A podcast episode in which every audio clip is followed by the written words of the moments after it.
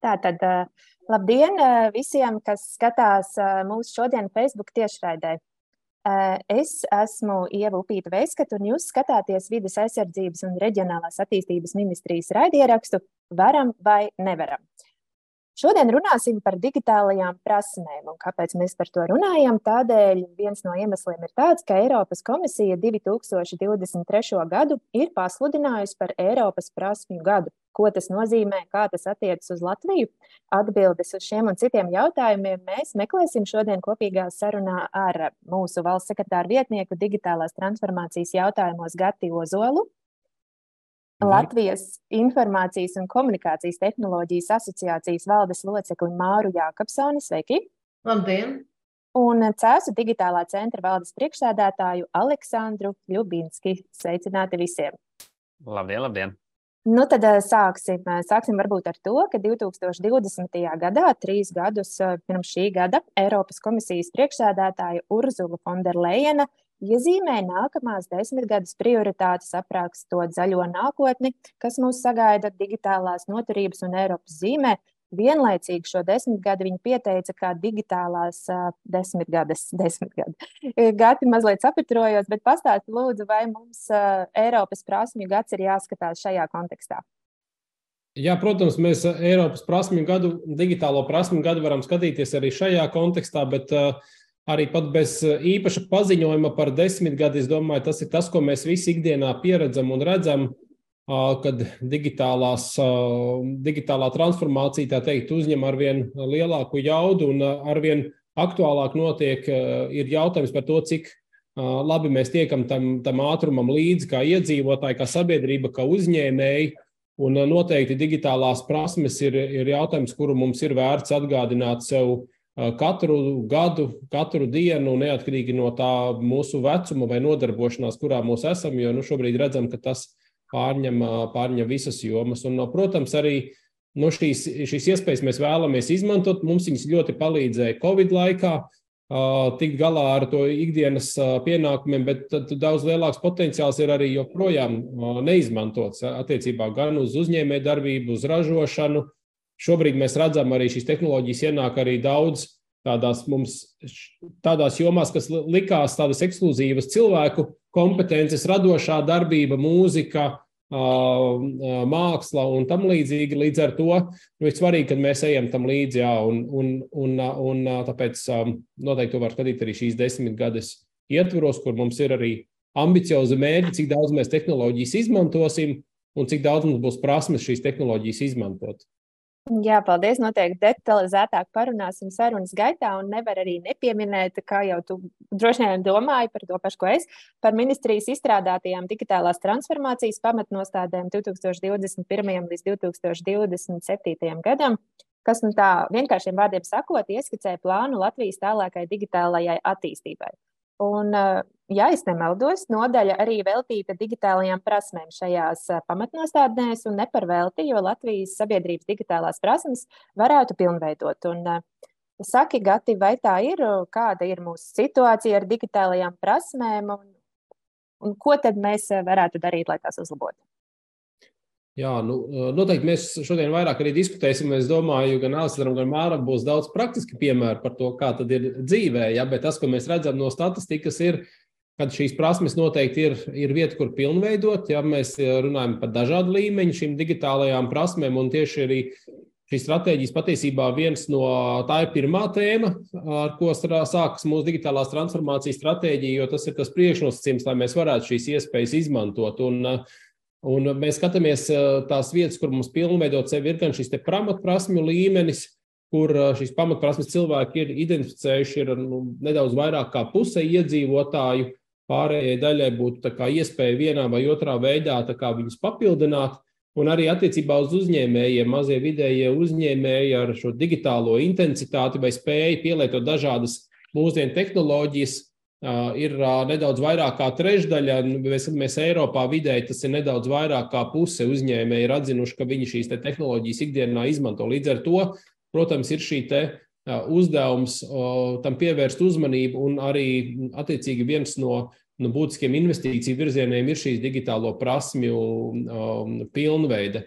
Pašās pamatnostādēs mēs runājam par, kā mēģinam apskatīt visu šo spektru, sākot no uh, digitālām prasmēm, kā caurvīja prasmēm, kas ir izglītības sektorā, sākot no teiksim, tādas skolnieku, skolēnu teiksim, izglītības programmu plānošanas līdz arī mācību spēku un digitālo prasmju uh, un šo instrumentu izmantošanai pašā izglītības procesā kur ir viens tāda, rīcības virziens un sadarbībā ar izglītības ministru. Izglītības ministrija tā, kas ir atsevišķi veidojis arī plānu šim virzienam. Tad ir šīs sabiedrības digitālās prasmes, kur ir pamatprasmes, lai mēs varētu ikdienā pilnvērtīgi dzīvot, nezinu, piedalīties sabiedriskajā dzīvē, demokrātijas procesos, gluži vienkārši iepirkties. Tad ir uzņēmēju un tādas pakalpojumu veidošanas prasmes, kur mēs vairāk skatāmies uzņēmēji, valsts pārvaldes rīcībā, kā mēs tās tehnoloģijas izmantojam tieši, lai veidotu ērtākus pakalpojumus, procesus. Un tad ir tas pats augstākais, tāds skrējuma līmenis, ir šīs augsta līmeņa, kas mēs runājam, digitālās prasmes, tas ir IKT jomas e, speciālisti, vai tā ir pētniecība, kur tādas jomas kā mākslīgais intelekts, mašīnu mācīšanās, kvantu tehnoloģijas, arī tādas jomas tiek skartas, lai arī šīs augsta līmeņa prasmes mēs spētu attīstīt un jau uz to bāzes veidot ir jaunas, inovatīvas mm, produktus un risinājumus. Mm, ļoti paldies par lielo detalizēto skatījumu. Es vaicāšu arī uh, Mārai Latvijas Informācijas un komunikācijas tehnoloģijas asociācijas uh, valdes priekšsādātājai. Uh, sakiet, valdes loceklei, sakiet, lūdzu, kā jūs teiktu, kāpēc Latvijas digitālās prasmes arī varbūt atpaliek no citām Eiropas valstīm? Kā jūs vērtētu mūsu situāciju? Nu, te es gribētu ar tādu īsu ievadu, kas tad ir šīs pamatprasmes, kur mums ir tas 51%. Tad uh, Eiropā jau gadus desmit eksistē digitālo kompetenci ietvars, un ar kompetencēm mēs saprotam ne tikai prasmes, bet arī zināšanas un attieksmi. Ja? kas nosaka tās pamatprasmes, kurām ir jābūt. Un šobrīd ir pieejama šī ietvara jaunākā versija 2.2. Un tur ir pateikts, ka tā ir gan informācijas pratība, ja tā tad meklēt, šķirot, vērtēt, tā ir komunikācija un sadarbība tiešsaistē, tā ir digitālā satura radīšana, Tā ir drošība un tā ir problēma risināšana. Ja? Un būtībā ir arī Eiropā certifikāti, un šobrīd notiek darbs pie visas Eiropas digitālo prasmu certifikātu izstrādes, kas apliecinātu, ka šīs prasmes ir. Un tagad nevelti ir tāds European Computer Driver license, kas salīdzina šo ar auto vadītāju tiesībām. Un tas, kas mums ir Latvijā, gan jauniešiem, gan uzņēmējiem, gan citām sabiedrības daļām, ka mums ir kaut kāda daļa no šīm kompetencijām, bet ne visas. Tas nozīmē, ka mēs, piemēram, droši braucam pie stūres, bet mēs vai nu nezinām absolūti automašīnas uzbūvi, un tad mēs varam avarēt, ja? vai mēs nezinām ceļu satiksmes noteikumus. Un šādā veidā, ja mums tās prasmes nav, mēs pirmkārt sevi apdraudam, bet mēs apdraudam arī visus citus, ja? kas šajās digitālajos ceļos un uh, vidē ir. Ja? Līdz ar to mums tā problēma varbūt ir tādā nepilnībā, ka mēs dažādās programmās, dažādos kursos mācām daļu no šīm nepieciešamajām prasmēm, un kas mums izkrīt, un tad mēs arī attiecīgi zemi tiekam nomērīti. Jo dezi indeks, par ko arī Gaps runāja, no kurienes nāk šie skaitļi, viņš mēra tieši pret šīm te Eiropas digitālo ietvaru noteiktajām kompetencēm vai prasmēm. Nu, re, paldies jums par skaidrojumu, Liels. Un es domāju, pirms mēs varbūt uh, uzsākam vēl dziļāku diskusiju par prasmēm plānoto to veicināšanā, es uzdošu jums varbūt mazliet provokatīvu jautājumu, jo ir mums arī tomēr cilvēki, kas uh, uzskata, nu, priekš kā man tās digitālās prasmes vajadzīgas, Uh, jo tas uz mani neatiecas, man EID karti nevajag, es varu darīt visu, kā es esmu ieradis, un tā tālāk. Kā jūs teiktu, sākumā jautāšu mūsu trešajam sarunas dalībniekam, Aleksandram Ļubinskim, kurš organizēja digitālo prasmu mācības cēsu novada iedzīvotājiem. Nu, sakiet, kāds ir jūsu viedoklis? Nu, gan Māra, gan Gatis jau īstenībā ļoti daudz tos iemeslus nosauc. Un, un varbūt, eh, ja Māra jau tādos vienkāršākos vārdos, tad Gatis ļoti tādos sarežģītos un, un, un varbūt grūti to uztvert. Man liekas, ka eh, visas šīs vajadzības var raksturot ar trījiem Uh, nu, man te ir pierakstīti trīs atslēgas vārdi. Es klausījos un, un, un domāju. Uh, un, un tas pirmais, man liekas, tādiem visiem cilvēkiem saprotamais. Tas ir vienkārši slinkums.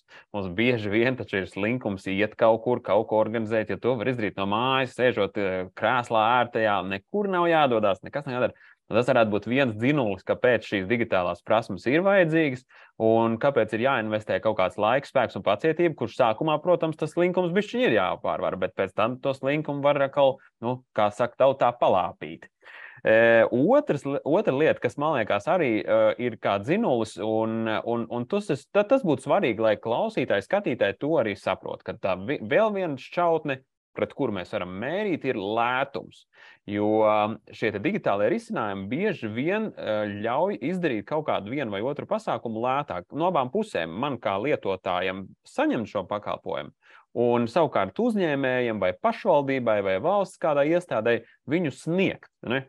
Tas maksā lētāk, un tādējādi mēs varam to naudu, ko mēs iztērētu cilvēkā, kurš tur sēdēs, un tagad gaidīs uh, kādu atnākšanu, un pieņemšanu un apkalpošanu. Tā vietā viņš izdarīs daudz citas darbiņas. Uh, savukārt mēs šo salīdzinoši vienkāršo uzdevumu, ja jautājumu, ar kuru jau pie šī paša klienta apkalpošanas speciālists griežās jau kurais un jau kuro reizi, Viņš jau būs nodokumentēts, uzrakstīts, parādīts, varbūt video, parādīts, kur man jā, jāpiesakās, kādu pogu man jānospiež, un, un tā lieta būs atrisināta.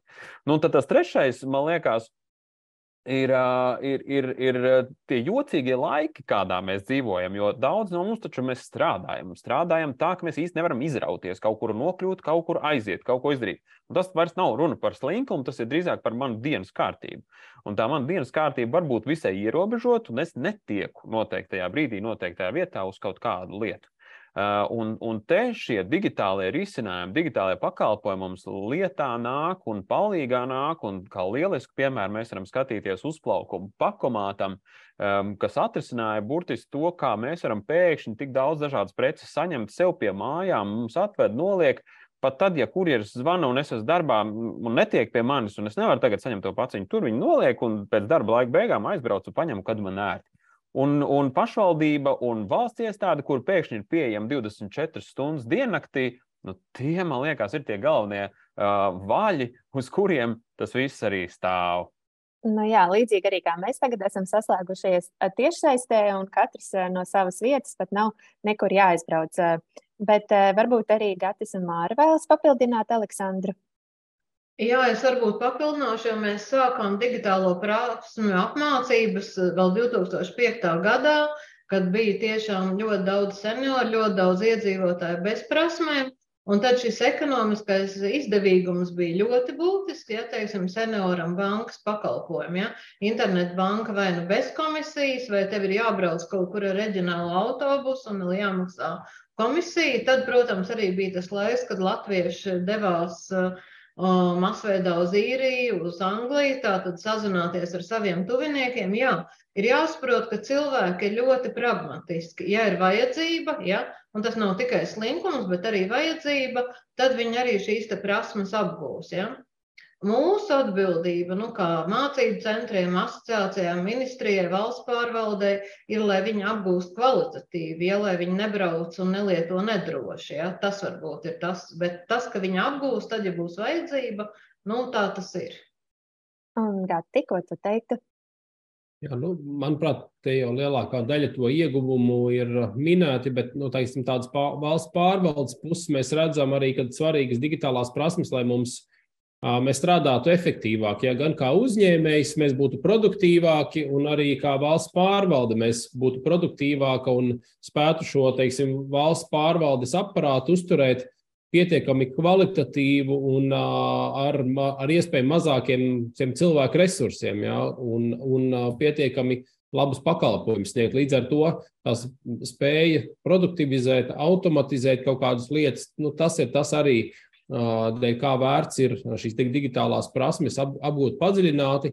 Un arī nu, mums katram, kā sabiedrības, teiksim, tā, nu, tām nodarbinātajiem uh, iedzīvotājiem, ir, ir, ir arī nu, skaidrs, ka tuvākā laikā nu, reti būs vairs kur kāda profesija, nodarbošanās, kur vairs nebūs nepieciešams digitālās prasmes. Līdz ar to, nu, lai mēs būtu konkurētspējīgi, tajā darba tirgu mums nu, jā, jāpieņem tas fakts, ka ir jāturpina vien mācīties ir un jāapgūst šīs digitālās prasmes, ir arī tajā specifiskajā nozarē, kurā mēs esam. Jā. Tā mēs paliksim konkurētspējīgāki ilgāku laiku noteikti.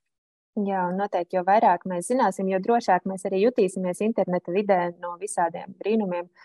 Um, bet, uh, Gati, nākamais jautājums tev arī. Vēlējos vaicāt, uh, saki, lūdzu, vai jau šajā prasmu gadā varam atklāt, ko mēs plānojam veikt, lai digitālās prasmes uzlabotu? Varbūt gaidām kādu pasākumu, kādu projektu. Jā, nu noteikti šis gads iezīmē virkni jaunu pasākumu sākšanos visā valsts pārvaldē. Jāsāks tāds jauns periods, kur atkal mums būs jaunas programmas, projekti.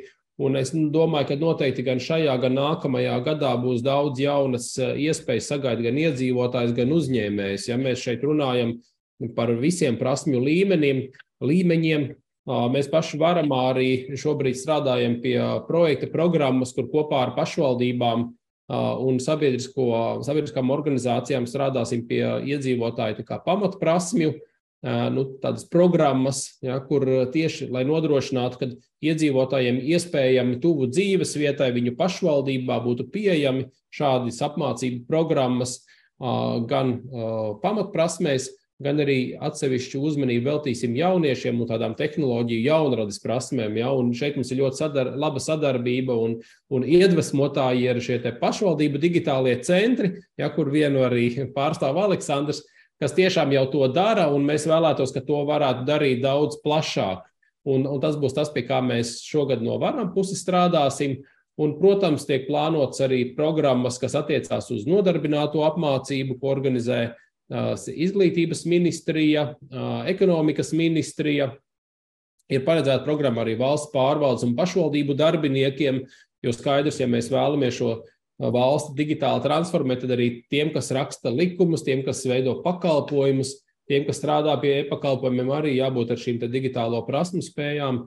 Un šobrīd ir uzsākušās arī jau vairākas programmas, kas ir šo te nu, vai tiek veidotas programmas augstākā līmeņa prasmēm, kur augstskola savā starpā sadarbojas, lai izveidotu gan jaunas mācību programmas, tieši kas specializēsies, teiksim, kvantu tehnoloģiju vai mašīnu mācīšanās tehnoloģiju attīstībā vai kiberdrošības jomā. Paldies, tev, Rekā. Viss iet lēnām uz priekšu. Un uz priekšu iet arī mūsu saruna, un es vēlējos tagad vaicāt Mārai, Um, es lasīju arī Latvijas Informācijas komunikācijas tehnoloģiju asociācijas mājaslapu, un uh, tur tāds uh, labs teikums rakstīts, ka informācijas un komunikācijas tehnoloģijas nozare veido arvien nozīmīgāku daļu Latvijas iekšzemes koproduktā un eksportā, savukārt informācijas sabiedrības attīstību un e-prasmes visās nozarēs un dzīves sfērās veicina Latvijas kopējo uzņēmumu produktivitāti, kā arī iedzīvotāju dzīves kvalitātes un labklājības pieaugumu.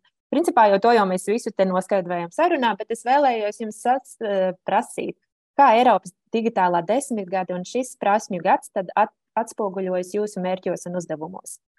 Jā, tiešām likta ir jāsaprot, ka mēs esam IKT profesionāla asociācija. Mēs apvienojam gan visus uzņēmumus, lielākos un mazākos, kas šajā nozarē ir aktīvi, gan arī mūsu biedri, faktiski ir visas universitātes un profesionālās skolas, kas pasniedz IKT izglītību.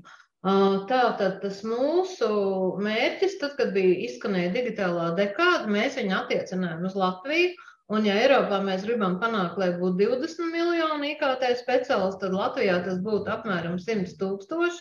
Un mēs esam tālu no šī rādītāja. Nu, runājot par pamatprasmēm, jā, mēs Tāpat kā Eiropas digitālā dekādē, gribam šos 80%, bet likta, protams, pamatā strādā, lai pirmkārt attīstītu IKT speciālistu prasmes, gan dažādi aicinot jauniešus iesaistīties profesijā, gan arī, piemēram, mēs apstiprinām visus to programmu standarts, jo mēs esam darba devēji, ko Gatis jau minēja. Arī tās jaunās programmas mums būs jāapstiprina. Otra lieta, mēs strādājam ļoti daudz ar uzņēmumu digitālajām prasmēm. Ja? Dažādos projektos, dažādās iniciatīvās, jo tieši tā mums visa sabiedrība būs ekonomiski pārveidot un konkurētspējīgie uzņēmumiem būs šīs prasmes. Tā kā tie ir tie divi galvenie virzieni, kur likta visvairāk iegūt un kur mēs redzam to savu devumu digitālās dekādas mērķos.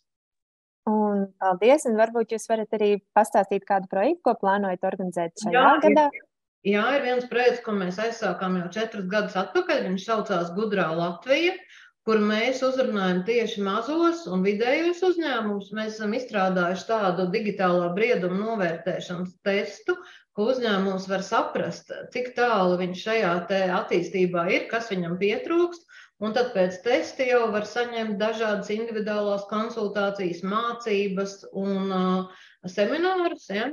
Otrs projekts, ko mēs nu jau organizējam trīs gadus sadarbībā ar Latvijas Universitāti un Microsoft, ir saucamais digitālo prakšu projekts, kur visi, gan uzņēmēji, gan arī jaunieši, var apgūt tās, ko mēs saucam tagad par aktuālajām digitālajām prasmēm, kā Kiberdrošība, lielo datu analīzi. Tagad mēs arī maijā palaižam mākslīgā intelekta kursus. Nu, tie ir tikai daži no mūsu projektiem, bet viņi visi ir vairāk vai mazāk organizēti uz digitālām prasmēm, tieši nodarbinātībai un pat atsevišķām nozarēm. Nu, re, un es domāju, ka šajā kontekstā mēs nevaram arī nepieminēt eh, aprīļa mēneša nozīmīgumu, it sevišķi arī šo nedēļu, kas ir rīta digitālās eh, nedēļas zīmē. Eh, lūkšu arī jums turpināt un pastāstīt eh, vairāk mūsu klausītājiem, skatītājiem, eh, kas ir digitālā nedēļa, kas tad jau ir bijis, ko vēl var redzēt, ko var uzzināt. Jā, nu, digitālā nedēļa savā ziņā ir tāda digitālo prasmu attīstībā iesaistīto pušu dziesmu svētku, kas notiek ne jau 14. gadu, uh, parasti pavasarī. Ja? Un šo mēs arī taisām Eiropas digitālo Eiropas prasmu gadu ietvaros. Un šajā nedēļā mums iesaistās ap 200 partneri. Tā ir iniciatīva, kur katrs nāk ar savu saturu, ar saviem resursiem. Partneri mums ir gan IKT nozars uzņēmumi, gan ministrijas nodarbinātības valsts aģentūra, ļoti daudz pašvaldības un bibliotekas, un tiek organizēti pasākumi, kas ir visdažādākajām auditorijām. Mēs čatā arī varam ielikt saiti uz mājaslapu e-prasums LV, kur ir atspoguļot šie pasākumi, un mums ir tematiskās dienas. Šodien mums kā reiz ir digitālie rīki un prasmes uzņēmējiem. Ja? Tad mums vēl būs rītā drošības diena, būs digitālās prasmes izglītībai ceturtdien, Un piekdien mēs runāsim vairāk par mēdīju pratību un par visiem tiem resursiem, kas ir pieejami. Bet varam ir arī bijis visus šos gadus digitālās nedēļas partners un koordinators, tā kā varbūt arī gads grib papildināt. Man liekas, Mārija jau ļoti plaši izstāstīja, un jā, katru gadu ir tas, kas ir vērts paskatīties šo e-prasmes LV un atrast sev gan tuvāko klātienes pasākumu, gan arī pārskatīt šos attālinātos pasākumus, kurus ir iespējams apmeklēt no jebkuras vietas. Mm, reku mēs jau redzam ārā jūsu ekrānu, tad reku varam aplūkot, kas tik nekas nenotiek šīs nedēļas laikā, un katrs, kā jau Gatis teica, atrast, kas interesē, uz ko, ko apmeklēt, ko aiziet un tā tālāk. Lielas jums paldies! Un, Aleksandra, sakiet, vai cēsu pusē arī ir kādas aktualitātes digitālās nedēļas laikā? Nu, jā, nu, godīgi sakot, šim vilnim grūti pretoties. un nu, ir skaidrs, ka kaut kādas aktivitātes arī notiek pie mums. Kā reiz šodien mums bija iespēja uzņēmējiem šos rīkus izmantot un pievērsāmies e-adresē un e-parakstam kā tādam svarīgam instrumentam, kas ienāk mūsu ikdienā un uzņēmēju ikdienā. Bet kopumā ņemti, um, es nevaru izcelt ārkārtīgi šo nedēļu, jo patiesībā CESU digitālās centrs ir nepārāk liela organizācija un tajā pašā laikā Nu, to mācību apjoms, kāds notiek uh, dienu no dienas, katru nedēļu, ir milzīgi liels patiesībā. Jo Cēlus novadā šobrīd, šajā uh, laikā, no, mm, ja nemaldos, marta līdz jāņiem, septiņas mācību grupas ar pieaugušiem visdažādākajās cēlus novada vietās apgūst digitālās pamatprasmes, un tāpat ir liela sadarbība ar EDITS, jeb Eiropas digitālās inovācijas centriem, kur mēs veidojam mācības tieši digitālo instrumentu ieviešanai uzņēmē darbībā. Piektdien Šo nedēļu noslēdzas Valmieras pusē šāda grupa, kur uzņēmēji būs apgūši, kā uz šīm lietām skatīties. Un um, kā šīs digitālās inovācijas ieviest savās uzņēmumos. Tā kā jā, šī nedēļa arī dzen mums spraiga, uh, bet jāsaka, ka arī nākošā ne ar ko būtiski neatšķirās, varbūt kāds viens, divi notikumi klāt. Kā, jūs jau gandrīz atbildējāt uz manu nākamo jautājumu. Vēlējos jums vaicāt, pastāstiet, uh, ko jūs tad īsti savā centrā darāt un kas tad ir jūsu tie centra apmeklētāji saprotu, gan parasti iedzīvotāji, gan arī uzņēmēji var pie jums nākt un attīstīties. Jā, principā mēs strādājam ar trijām pusēm, un, un iedzīvotāji ir viena daļa no tiem. Uh, viņiem meklējam tādus labus, piemērotus risinājumus un palīdzību. Gan tas ir vienkāršas konsultācijas, gan arī tas ir šādas mācības. Un tās mācības dažādos veidos. Uh, ir cilvēki, kuriem der un vajadzīgas ir pamatprasmes, un tās ir jāveido klātienē. Uh, Ir cilvēki, kuriem ir vajadzīga kaut kāda neliela specifika, nu, neskarot ārkārtīgi, ārkārtīgi no sērijas programmatūru, kas tiek izmantot vienā, divās vietās uzņēmumā vai visā cēlās novadā. Protams, tādas mēs nevaram piedāvāt šobrīd. Tā. Bet, bet arī tāda pieeja ir. Tad mums ir mācība platforma, kurā katrs, kam ir gribēšana un varēšana, bez maksas iet un mācās sevi interesējošos kursus no tur pieejamiem, kur ir video ierakstos un uzdevumi klāt un izējas materiāli, ko var eksperimentēt. Tā kā arī tādas iespējas ir. Tad tā otra lielā daļa ir šie uzņēmēji, jā, kuriem gan mēs uh, piedāvājam gan konsultācijas, gan kaut kādu atbalstu un palīdzību, tad, kad ir vajadzīgi kaut kāda uh, rīki un tehnoloģijas un pakalpojumi, jā, dažādās formās tas ir bijis, un, un kas tik nav meklēts un varianti atrasti. Un visbeidzot, mēs arī diezgan cieši sadarbojamies ar pašu pašvaldību, jo pašvaldība ir salīdzinoši liels organisms, kurā arī dzen šīs digitālās prasmes un rīki ir tāda visai liela ikdiena. Tāpēc ir svarīgi viņus um, apmācīt, ierādīt, kādi ir tie labākie pielietojumi veidi. Tā kā visas šīs trīs puses apkalpojam, Un priekš mums tas ir tāds pilna laika, pilna procesa uh, notikums. Reikā, liels jums paldies! Es tieši arī gribēju aicāt uh, nākamo jautājumu. Tad uh, tās digitālās prasmes cilvēkiem iedalās dažādos līmeņos, uh, bet sakiet, uh, kāpēc tā saucamā desija indeksa un tā tālāk. Kā, kā var noteikt, eh, kad sākās cilvēka digitālās prasmes, vai no tā, ka viņš māca lietot viedtelefonu vai aizsūtīt vienu e-pastu, un no kura laika jau tiek uzskatīts, ka tās digitālās prasmes iet augstākas, tad, kad māca programmēt, eh, runāt ar mākslīgo intelektu un tā tālāk. Kā jūs teikt? Es teiktu, un atkārtotos īstenībā uz to, ko jau Māra teica, kad ir šis te uh, rāmis vai tāds kā skelets uzrakstīts, uh, Māra zinās precīzāk to nosaukumu, uh, un kā viņi var sameklēt. Man liekas, tur pat figurēja kaut kur apkārt informācija. Pilnīgi noteikti e-prasmēs jūs varat atrast e-prasmes LV, tur var atrast šo informāciju, bet tā galvenā ziņa ir tāda, uh, kad ir rāmis, ko speciālisti izstrādā, kurš pasaka, Šīs ir pamatprasības, kā mēs to varam skatīties. Tas, kas gan ir jāņem vērā, ka tāpatās kā visas citas lietas pasaulē ir mainīgas, tā arī digitālās prasmes ir mainīgas. Un tas nozīmē, ka, eh, ja pirms gada, diviem mēs runājām par vienu līmeni, kas ir tas, kas būtu vēlamais, un tas, kas ir šīs pamatprasmes, tad šobrīd mēs runājam jau par mazliet citiem uh, pagriezieniem, mazliet citām niansēm.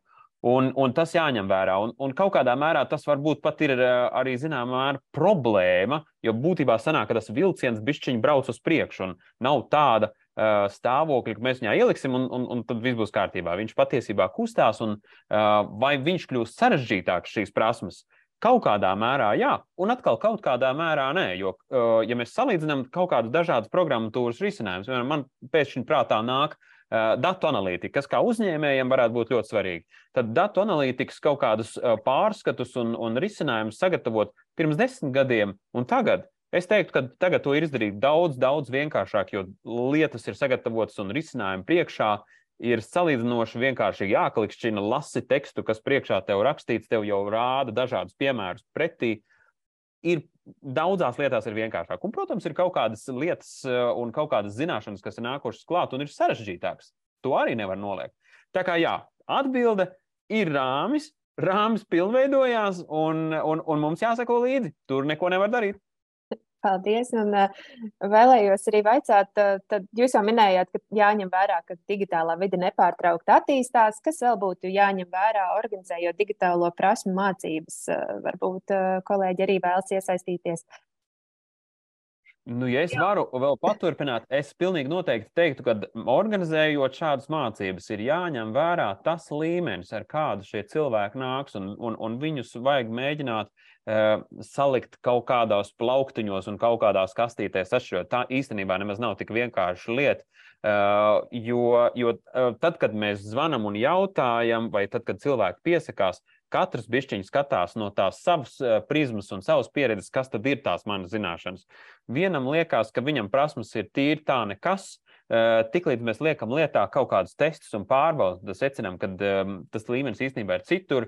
Jo man uh, ir populārs tāds teiciens, ko es uh, bieži vien pielietoju un saku, daudzkārt cilvēki nezina, ko viņi nezina. Un, un tas ir diezgan nu, izaicinājums īstenībā. Tā kā jā, pirmā lieta, kas jāņem vērā, ir šīs zināšanas, un otrs - tā pieejamība. Jo, ja mēs runājam par pamatprasmēm, un manā gadījumā mēs esam noskaidrojuši, ka cēsīs tās pamatprasmes, kas šobrīd ļoti, ļoti ir vajadzīgas cilvēkiem ārpus cēsu centra, cēsu novads ir salīdzinoši liela lieta, tad tur ļoti pietrūkst tādas absolūti pamati, un tas savukārt nozīmē, ka šos pamatus attālināt iemācīties būtu ļoti, ļoti sarežģīti. Un tas, kas mums jādara, mums vienkārši jāņem datorklase, mobilā formātā, jābrauc uz turieni un jātaisa tās mācības tur uz vietas, un tie cilvēki nāk un priecājas un ir laimīgi par to, ka viņi var kaut ko uzzināt. Tā kā es teiktu, šīs divas ir super svarīgas lietas.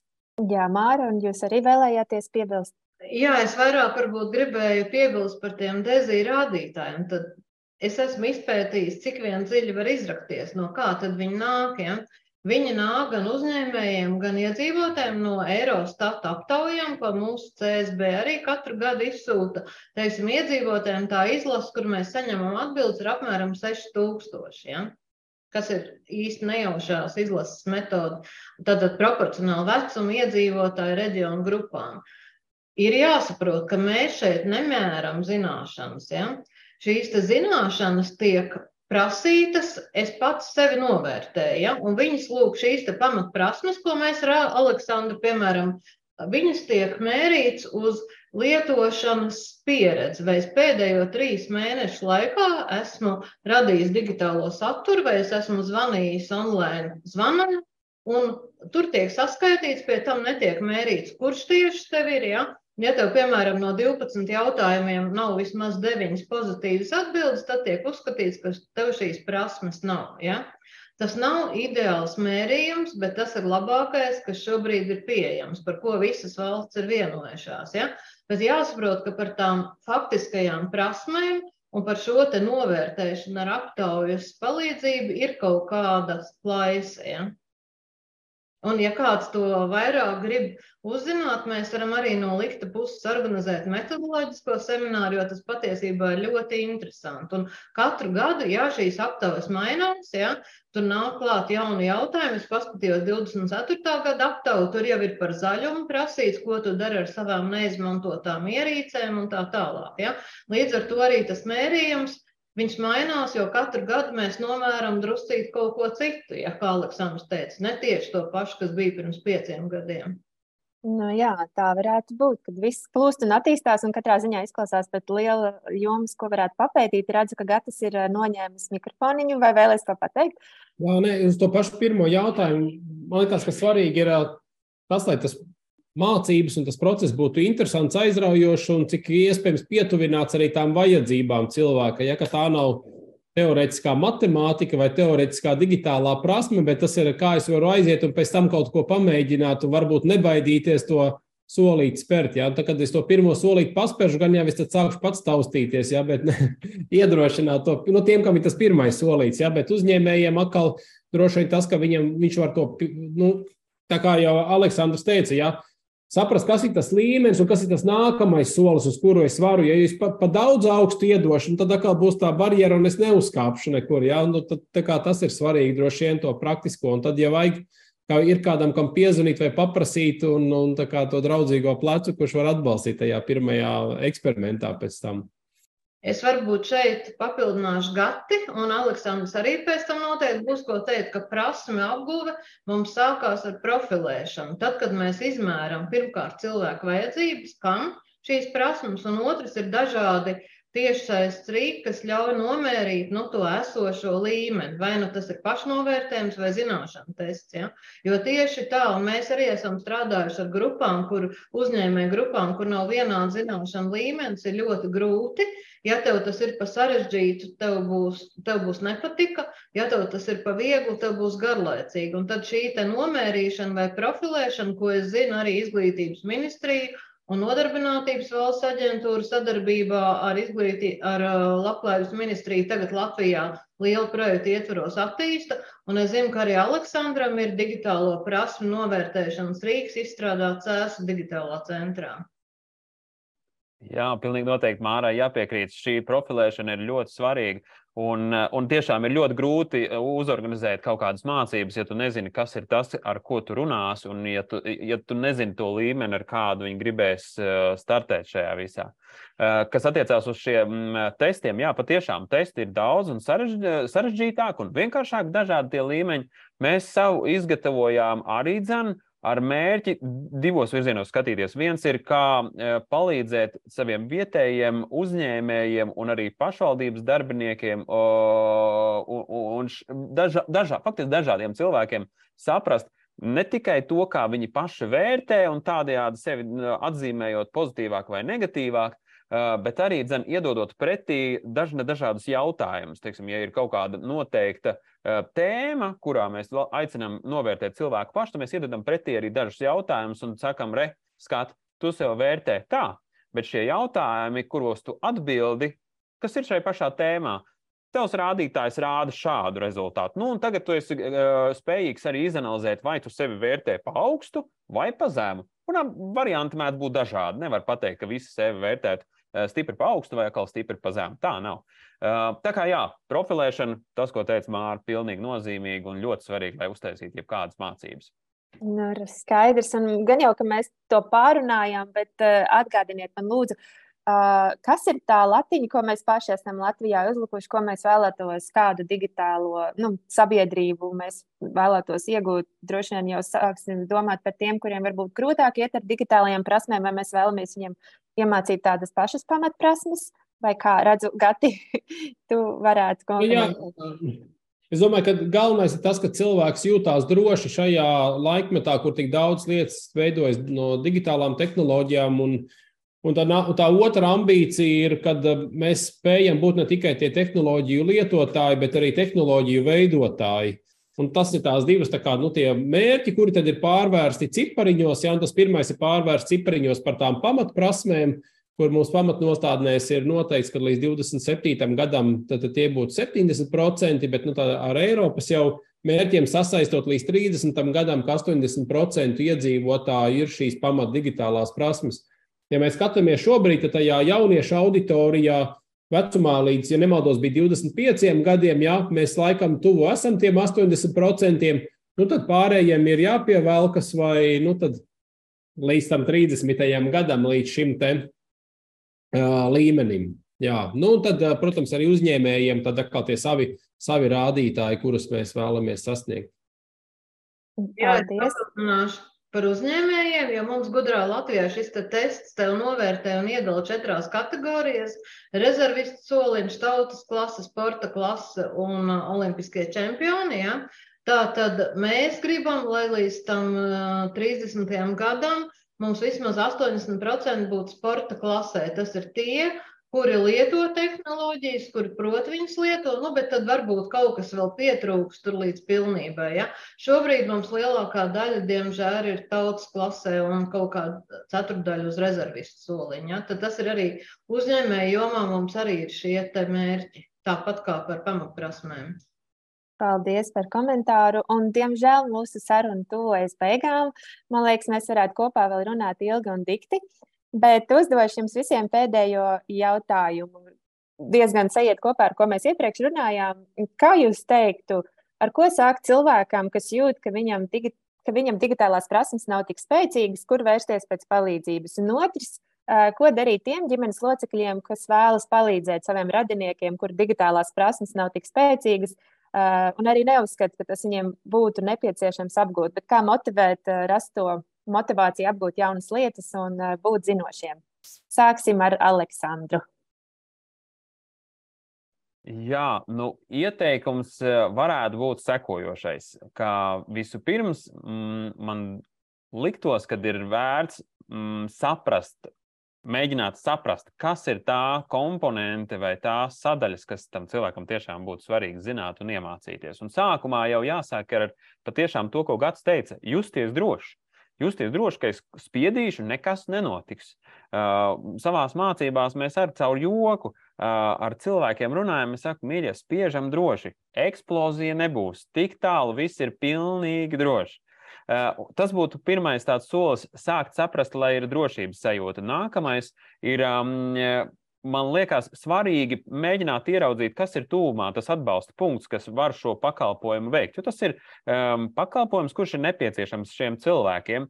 Jaunākiem, vecākiem mums arī grupās ir ļoti dažādi. Sākot no 20, 30 gadīgiem līdz arī 80 gadīgiem. Un visi šie cilvēki vēlas apgūt kaut kādas prasmes un, un um, dabūt sevi tādā līmenī, lai viņi ir konkurētspējīgāki vai tiktu galā ar savām ikdienas vajadzībām. Lūk, un, un tad tā trešā lieta, ko, ko mēģināt darīt, ir meklēt šādus visai vienkāršākus vai sarežģītākus rīkus atkarībā no situācijas, ar ko var nomērīt, nu, kur, kurā virzienā tad būtu tās vajadzības. Un tad, izējot no šiem mērījumiem vai, vai, vai tādas apjausmas, jau varēs skaidrāk zināt, kas ir tas, kas jāmeklē, kāda tipa mācības, vai tur dara attālinātas mācības, vai tur tiešām ir vajadzīgs e, kurs, uz kurien jāiet. Un, un jā, īstenībā jau labi jāpavada laiks, jo bieži vien cilvēks satiek domu biedrus, e, līdzīgi interešu vadīts cilvēks ar līdzīgu kreņķi, un tad viņi tur sadraudzējās un ir īstenībā baigi fēni, viens otram palīdz. Rekā, paldies, un Māra, ko jūs teiktu? Es gribu teikt, ka ļoti svarīgi ir dalīties visās savās kopienās ar ģimenes locekļiem, ar draugiem, ar kolēģiem, ko es esmu apguvusi. Ja? Jo parasti tu gribi apgūt to, ko zina citi vai lieto citi, nu, kas ar tevi ir saistībā. Ja? Tas tiešām ir parādījies, vai arī šis teiciens no mutes mutē. Ja? Un, uh, Latviešu mentalitātē mums vajag vairāk dalīties ar pozitīvām lietām, ja? Un es domāju, ka tā ir liela motivācija pārējiem. Un to es novēlu, īpaši digitālā nedēļā. Paldies, Gati, un tev gala vārds.